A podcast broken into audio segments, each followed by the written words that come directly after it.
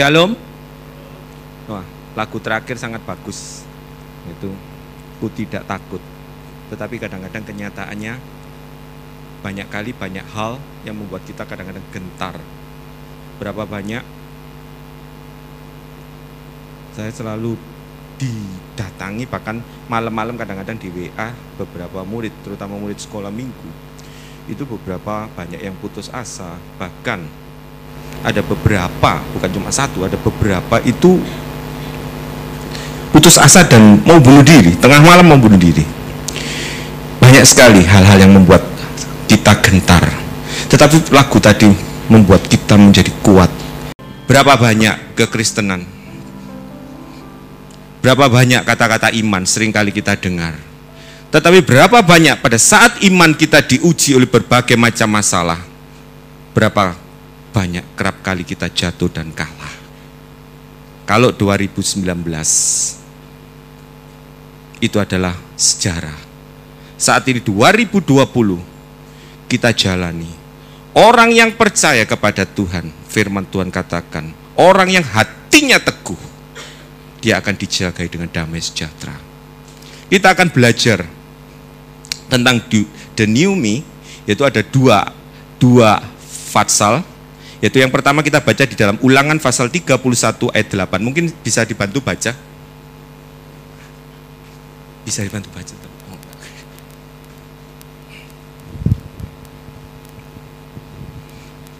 Ulangan pasal 31 ayat 8.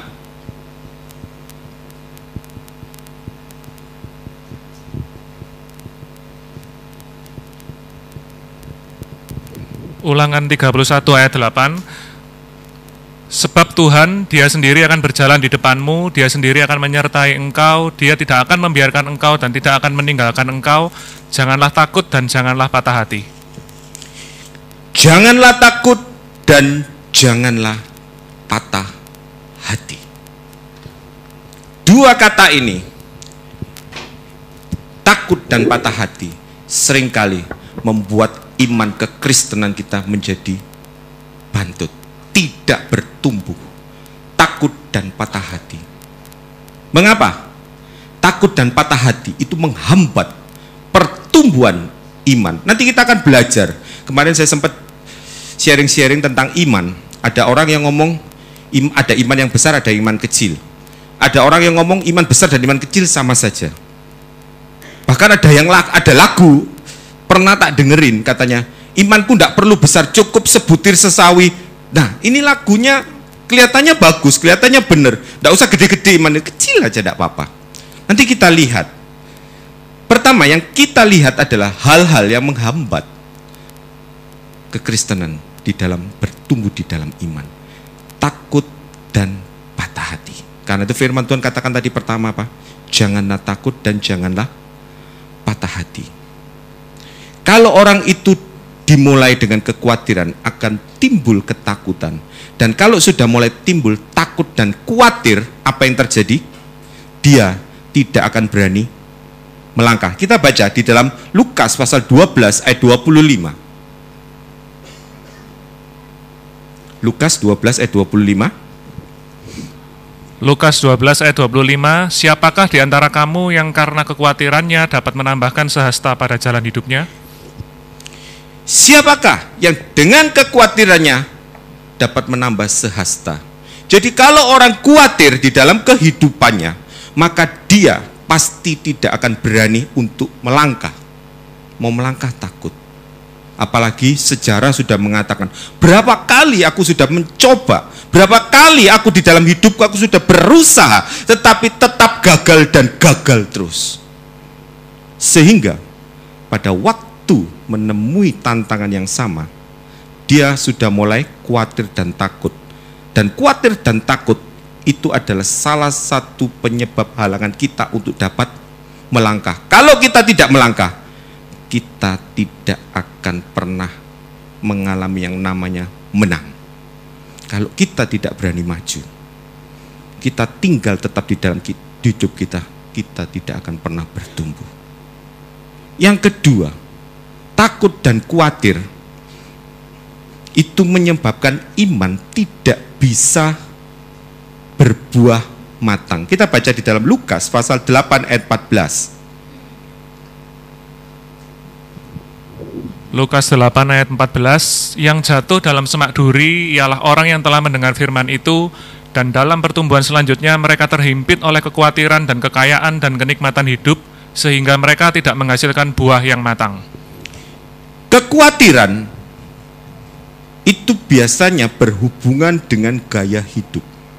Kalau nanti aku berusaha nanti gagal, ya apa?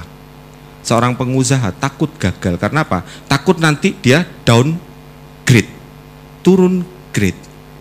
Waduh nanti naik perusahaanku bangkrut. Biasanya aku naik Mercy, sekarang naik Bemo. Takut. Kalau orang sudah mulai khawatir dan takut di dalam hidupnya, pasti akan menimbulkan reaksi-reaksi di mana dia tidak bisa menjadi berkat. Wong aku sendiri aja masih gini, gimana aku bisa menjadi berkat buat orang lain. Pada waktu saya menyampaikan firman Tuhan ini, iblis selalu menembakkan, iota, hati-hati lo kamu, kamu ngomong iman iota, wanita kamu. Orang kalau berbicara tentang berkat itu enak, tapi kalau sudah mulai berbicara tentang firman Tuhan, tentang iman, itu iblis selalu menembakkan kata-kata. Sungguhan tak kamu, kamu bisa berdiri teguh tak. Jangan sampai kamu bisa ngomong tok, tapi kamu waktu menghadapi kamu jatuh. Iblis menembakkan kata-kata demikian. Tapi saya selalu katakan, aku akan menjadi lebih dari pemenang bersama Kristus yang memberi kemenangan kepadaku. Iman itu tidak jauh. Iman itu dari mulut kita. Kalau kita memperkatakan aja tidak berani. Apalagi untuk melakukan. Seringkali kekhawatiran itu menghambat hidup kita untuk bisa berbuah. Kadang-kadang saya kalau disuruh Mbak Firman itu kok mesti temanya ndak enak semua. Saya bilang, ini tema iman, berubah, jatuh bangun dalam dosa. Yota. Kamu di dalam usaha, sungguhan tak yakin usahamu bisa terus maju tak. Apa nanti nek tahun 2020 bisa tetap. Kekhawatiran, ketakutan itu. Tapi kalau kita yakin akan firman Tuhan bahwa Tuhan memegang tangan kita. Kita akan berani berkata, tahun 2020 dan tahun berikutnya adalah tahun mujizat aku bersama dengan Tuhan. Dunia boleh makin gelap, tetapi aku akan semakin terang sampai terangku seperti rembang tengah hari. Kalau kekristenan ada kekhawatiran di dalam kehidupannya, dia sungguh tidak akan ada ubahnya dengan orang dunia. Kalau ditanya, ya apa usahamu? Yo, ya wis ngene iki. Tahun lalu ya, Pak, ya wis japuk to lah. Japuk to itu tahu ya? Lumayan lah. Arti lumayan berarti apa? Bukan lumayan tapi artinya apa? Wis tidak ada kemajuan. Biasanya orang kalau ngomongkan saking sungkan, ngomong apa sial orang Kristen biasanya ngomong eh jak butuh lah, jak butuh itu lumayan lah, lumayan tidak ada kemajuan artinya. Takut. Kekhawatiran yang pertama membuat kita tidak berani melangkah. Yang kedua, kekhawatiran dan ketakutan, takut dan patah hati membuat kita tidak bisa menjadi teladan di dalam hidup kita dan yang ketiga, kekhawatiran dan ketakutan. Kita baca di dalam Amsal pasal 24 ayat 10.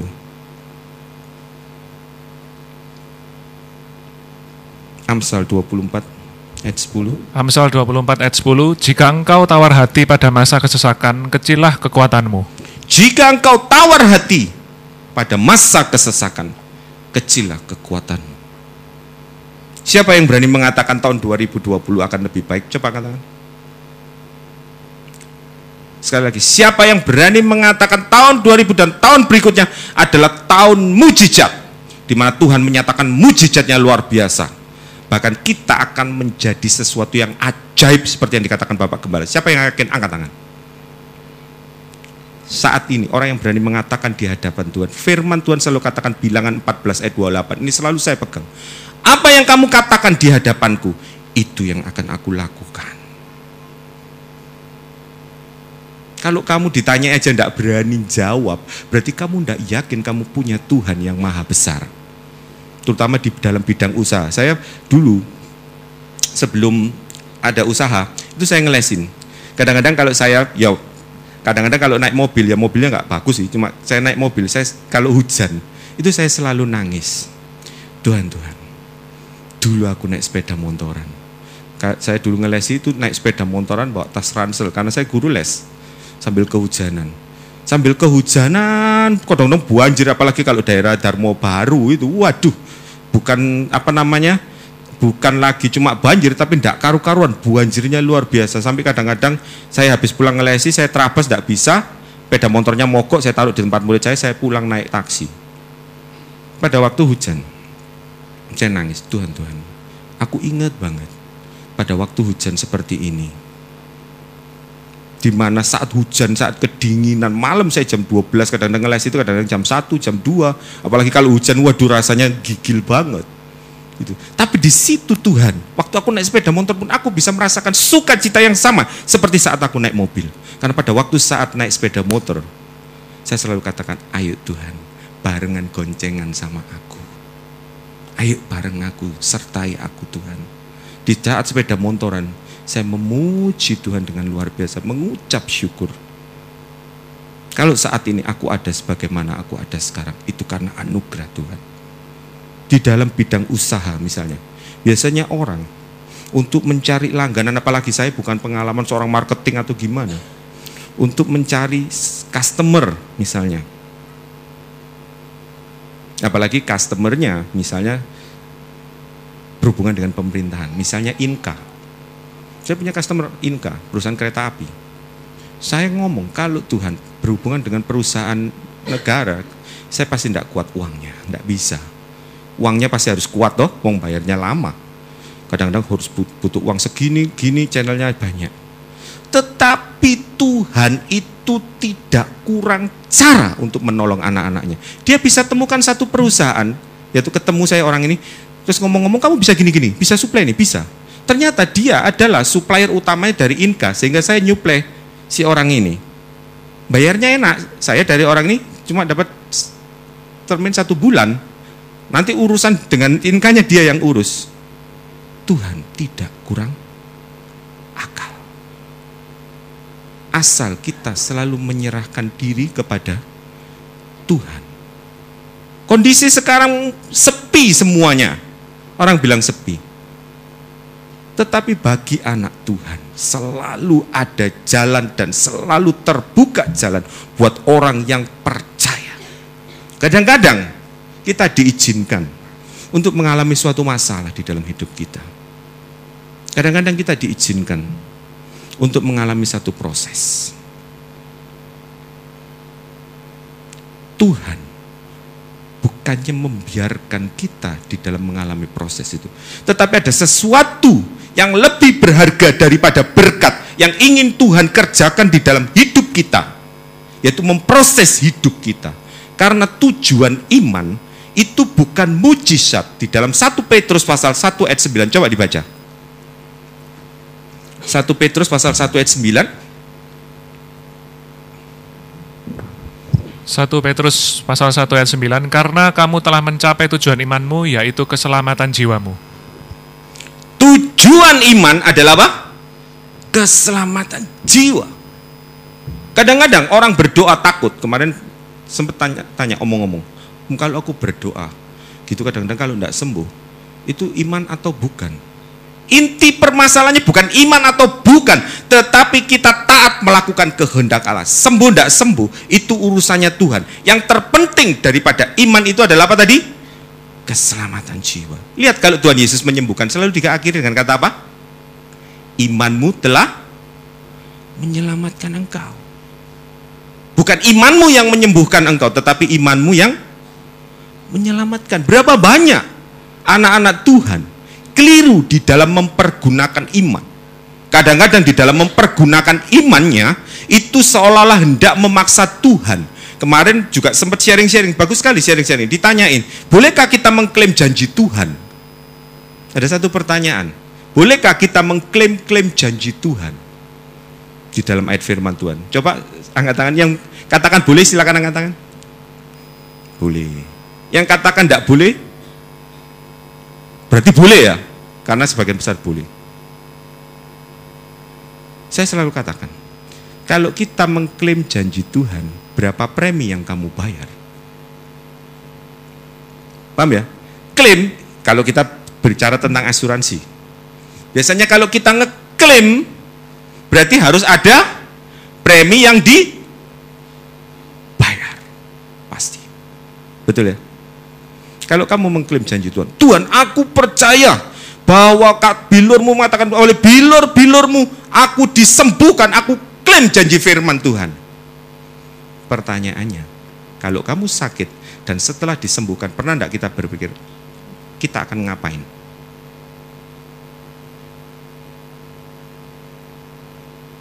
Susah ya. Nah gitu kita tidak boleh mengklaim janji firman Tuhan lah.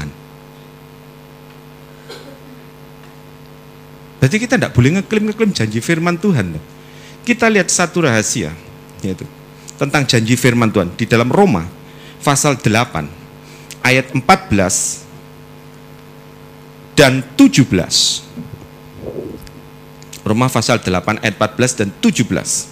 Tolong dibacakan. Roma pasal 8 ayat 14, semua orang yang dipimpin roh Allah adalah anak Allah. 17. Ayat 17, dan jika kita adalah anak, maka kita juga adalah ahli waris. Maksudnya orang-orang yang berhak menerima janji-janji Allah, yang akan menerimanya bersama-sama dengan Kristus, yaitu jika kita menderita bersama-sama dengan dia, supaya kita juga dipermuliakan bersama-sama dengan dia. Kalau kita mempunyai iman, maka kita pun harus belajar untuk apa? Taat dipimpin oleh roh. Berapa banyak kadang-kadang orang tidak bisa membedakan antara iman dengan kehendak sendiri. Antara suara Tuhan dengan perasaan hati. Sekarang lagi tren belajar untuk peka mendengar suara Tuhan. Saya cuma tanya, kalau kamu ingin peka mendengar suara Tuhan, berapa banyak waktu yang kamu sediakan untuk berdoa dan masuk di dalam hadirat Tuhan? Lah ya itu loh om. Nek berdoa ini jamku sih kurangan. Lah kalau kamu berdoa aja jamnya tidak rutin, gimana kamu bisa peka terhadap suara Tuhan? Kalau kamu misalnya seorang suami istri tidak pernah kumpul atau orang tidak kenal, masih dibengoi suaranya, Ko, ya ndak tahu wong suara ini siapa, bingung. Tapi kalau hubungan kita akrab erat terutama suami istri, baru cuma ngelirik gini sudah apa? Tahu, oh istriku marah. Tidak perlu sampai istrinya bengok, ko, dia sudah tahu. Kalau kita ingin belajar di dalam peka terhadap suara Tuhan, korbankan waktu untuk lebih erat masuk di dalam hadirat Tuhan. Kalau kamu imanmu ingin terjadi mujizat, kamu bisa berhak menerima janji Allah. Biarlah kamu imanmu belajar kita pakai untuk taat dipimpin oleh roh. Iman itu kadang-kadang ada satu seperti seolah-olah bertentangan. Kalau kita lihat tentang iman kecil dan iman besar, kita baca dulu di dalam uh, Markus pasal 9.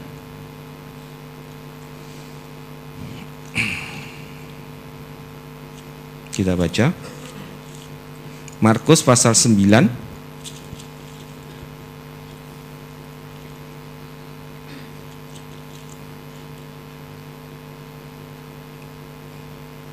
ayat yang Bentar. Oh.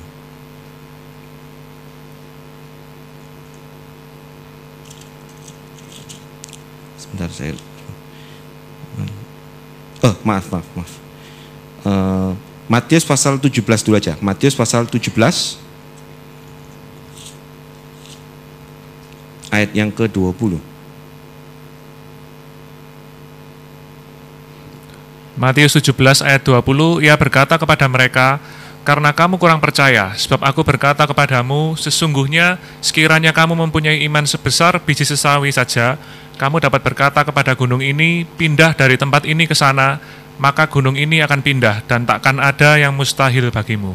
Dengan iman sebesar biji sesawi, gunungnya pindah. Tapi ada lagi di dalam 1 Korintus pasal 13. 1 Korintus pasal 13 ayat 2.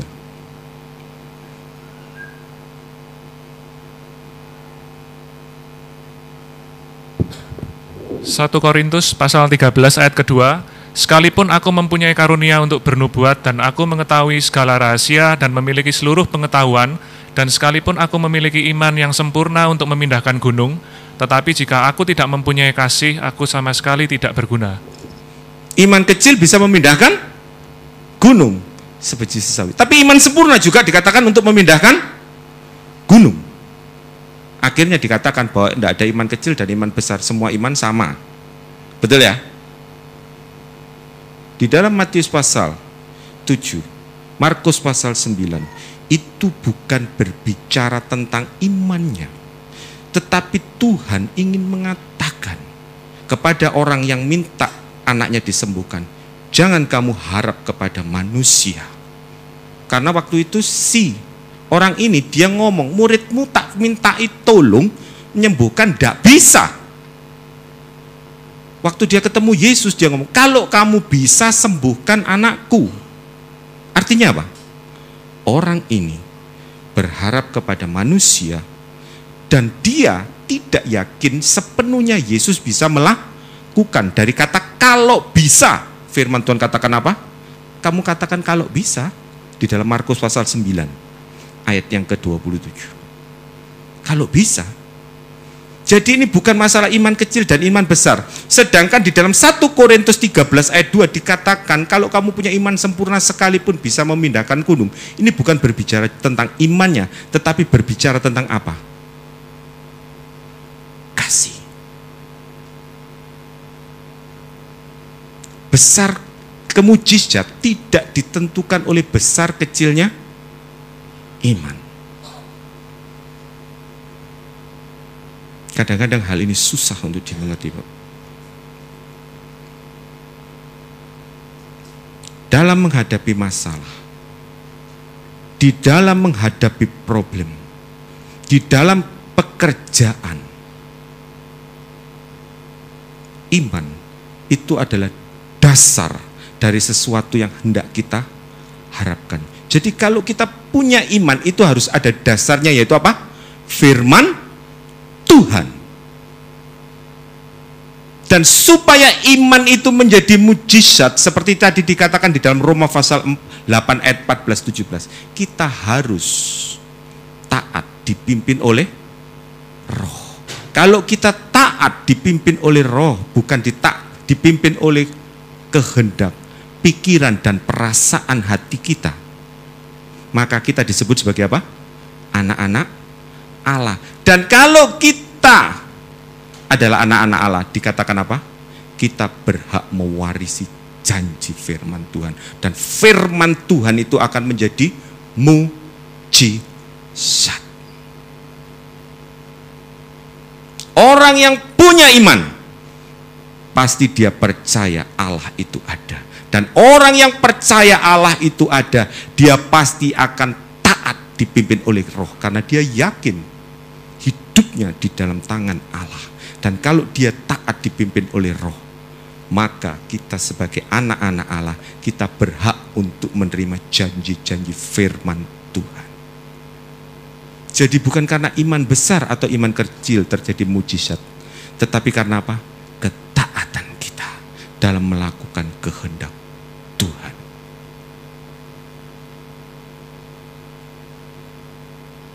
Pada waktu saya bekerja. Saya tidak menyangka sama sekali. Dari seorang guru les sampai dipimpin untuk bisa punya usaha sendiri. Kalau dipikir secara logika itu tidak masuk akal, tidak bisa. Saya nyuplai beberapa perusahaan-perusahaan yang cukup besar. Dan itu tidak masuk akal.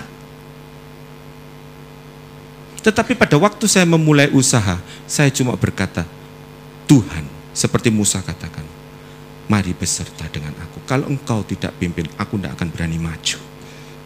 Aku tidak berani, tanpa sertamu aku tidak berani.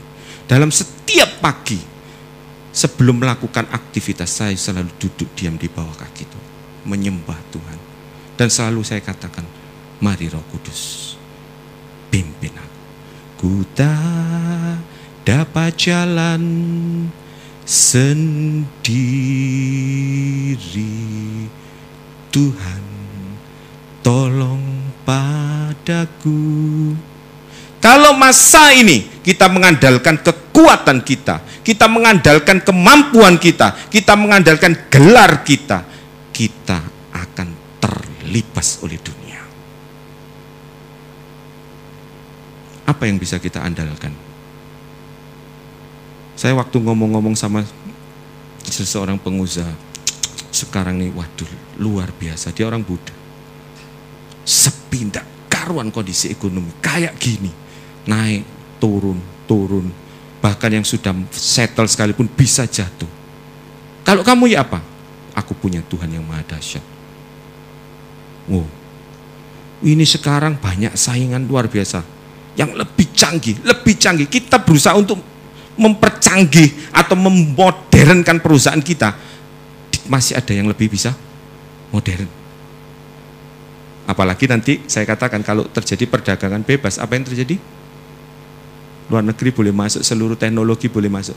Gimana kondisi kita? Apa enggak ngeri? Itu baru masalah ekonomi loh.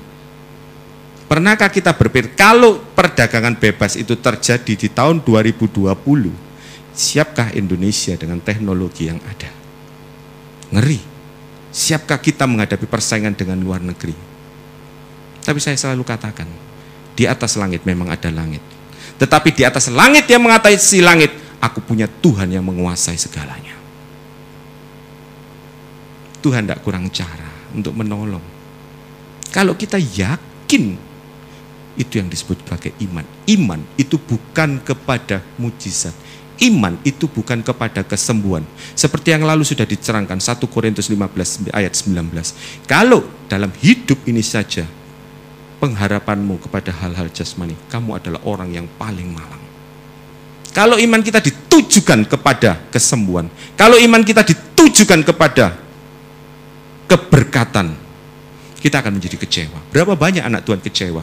Aku sudah berdoa, aku sudah percaya, aku sudah bayar harga, tetapi tidak ada jawaban. Karena apa?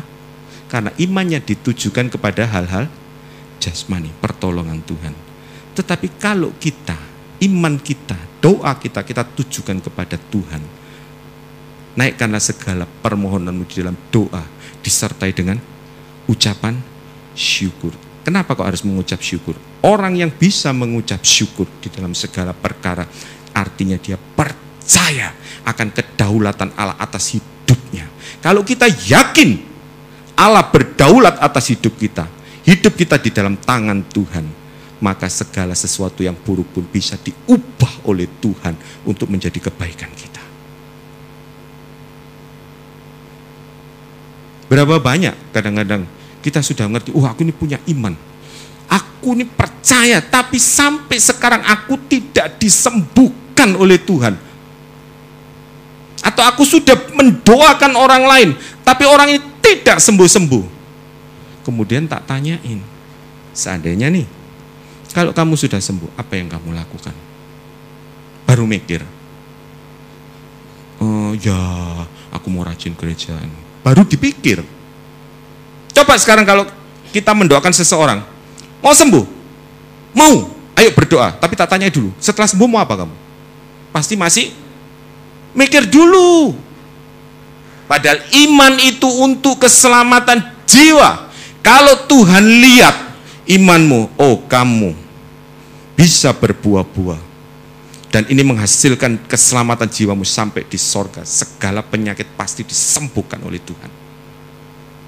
Firman Tuhan katakan apa? Kalau pohon itu masih bisa berbuah, dia akan semakin dibersihkan supaya dia semakin berbuah.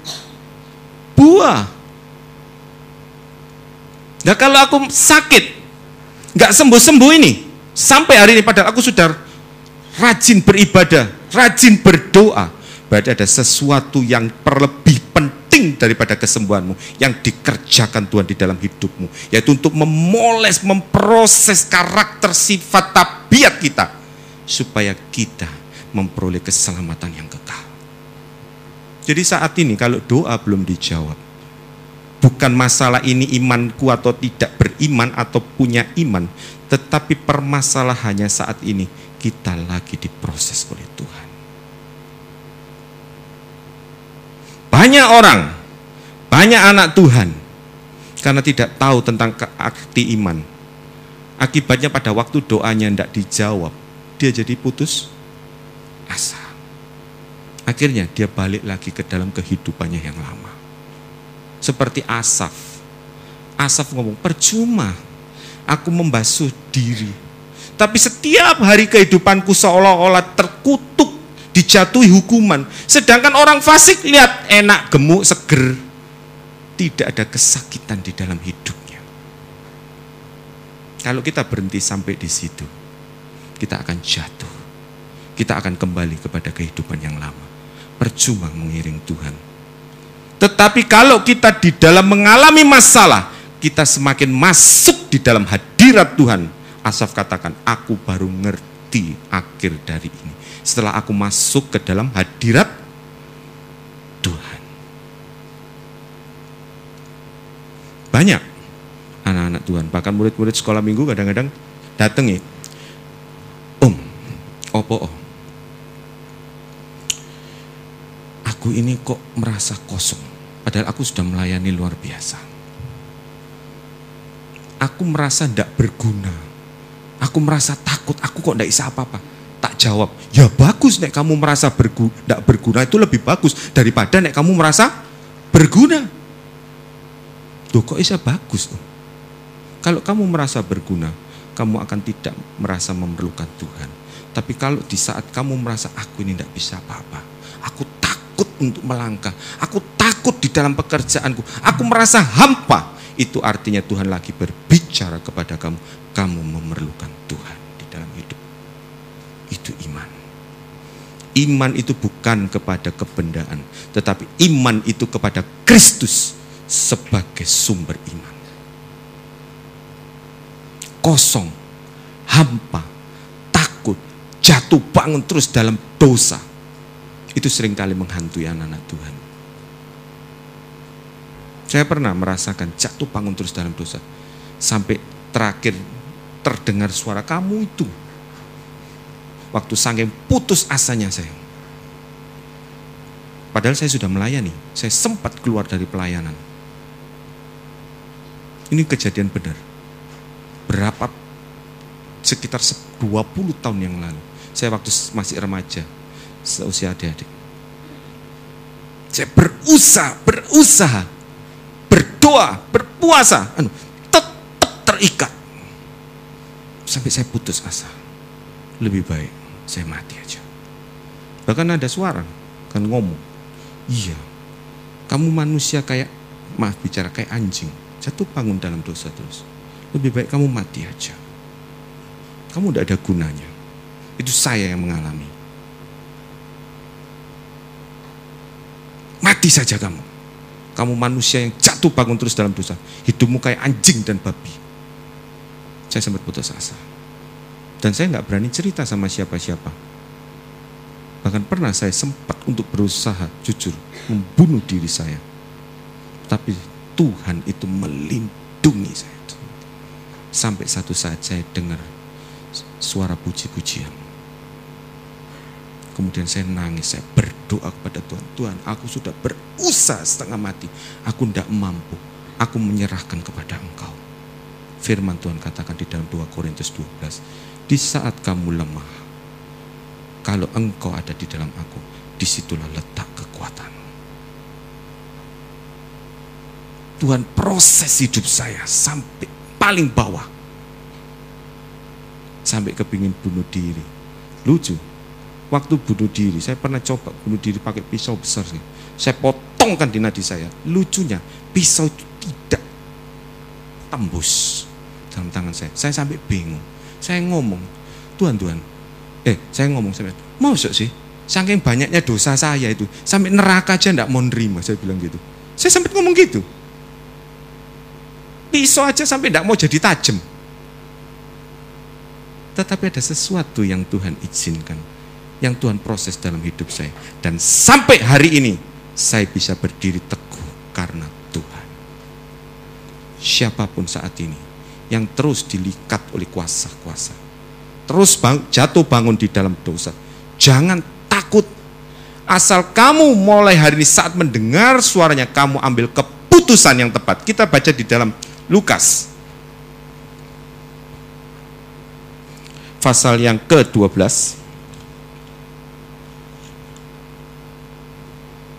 Ayat 57. Lukas 12 ayat 57 dan mengapakah engkau juga tidak memutuskan sendiri apa yang benar? Dilanjutkan Filipi pasal 3 ayat 10.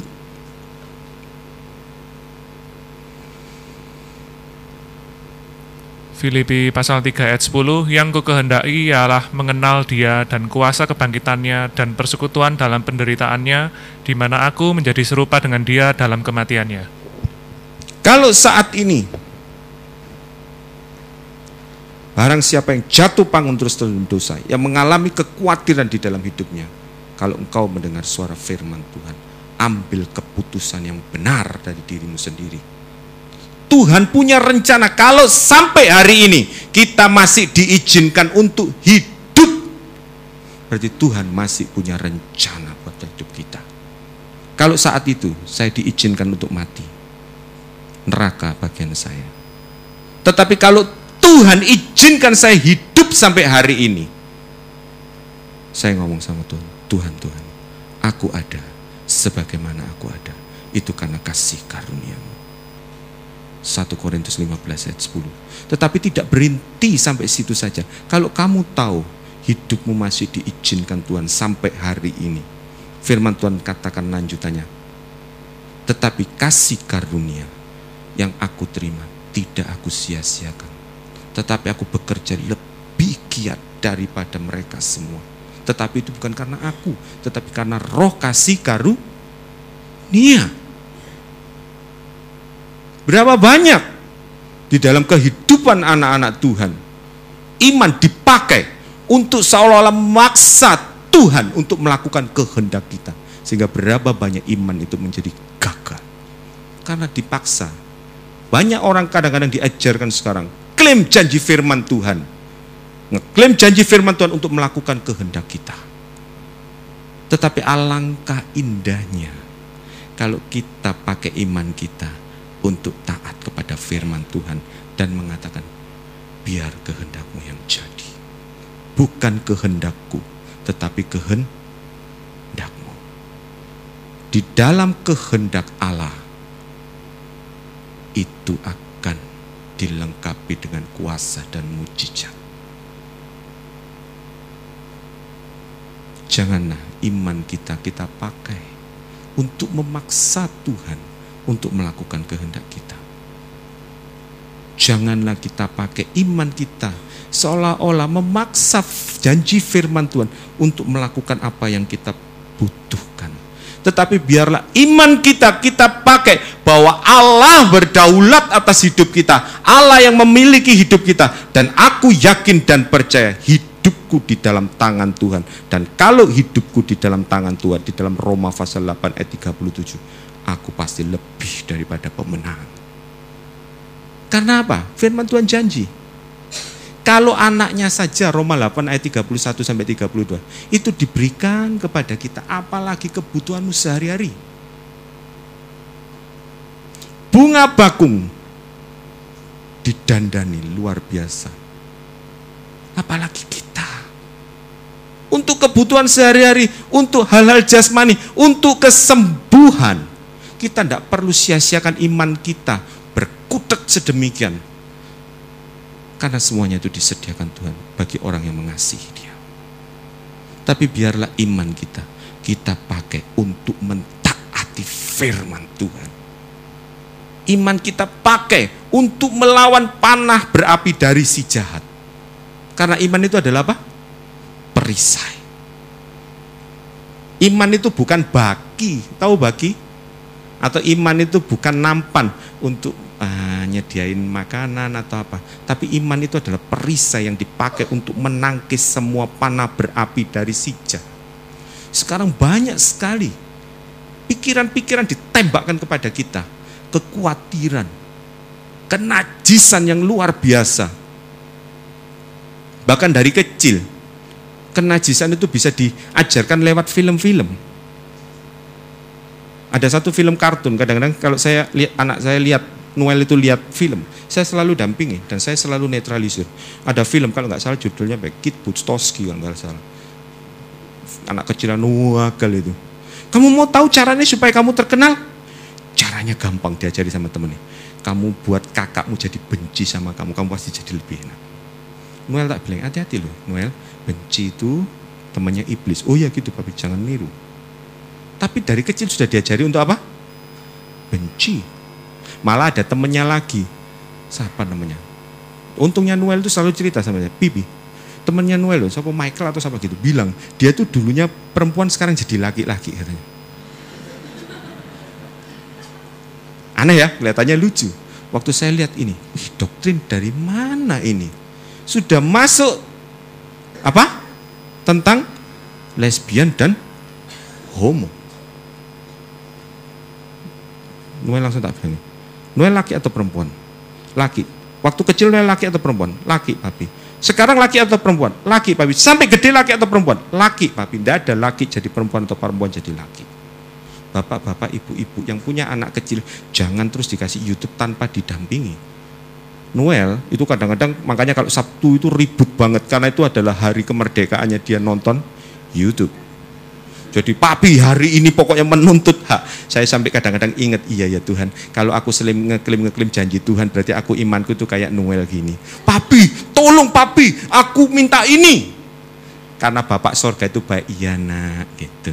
Jadi orang yang suka ngeklaim janji Tuhan adalah seperti anak kecil. Tapi orang dewasa dia tahu imannya bukan dipakai untuk minta janji Tuhan. Tetapi imannya dipakai untuk melakukan kehendak Tuhan. Kalau kamu melakukan kehendak Tuhan menurut pimpinan roh, kamu disebut sebagai anak-anak Allah. Dan kalau kamu anak-anak Allah, tidak usah diklaim janji Allah, kamu berhak mewarisi janji Allah. Tidak perlu ngeklaim. Kayak Noel, papi, hari ini hari Sabtu loh. Nonton, ya tak tak liatin aja yang ditonton yang di apa. Film-film zaman sekarang merusak pikiran anak kecil seperti tadi dari kecil tapi temennya Noel ini apa itu namanya? Dulunya perempuan sekarang jadi laki. Kelihatannya lucu. Saya kok bisa ya. Saya ngomong sama istri saya, hati-hati. Dari kecil dimasukkan hal-hal yang tidak terasa disuntikan seperti bapak gembala, racun-racun, benci, homo, kenajisan. Saat ini yang terikat, cepat bertobat. Kalau sampai hari ini kita masih diberi nafas hidup, perhatikan kemurahan Allah supaya membawa kamu kepada pertobatan. Tetapi kalau kemurahan Allah ini tidak kita perhatikan, kamu akan menerima hukuman dari Allah.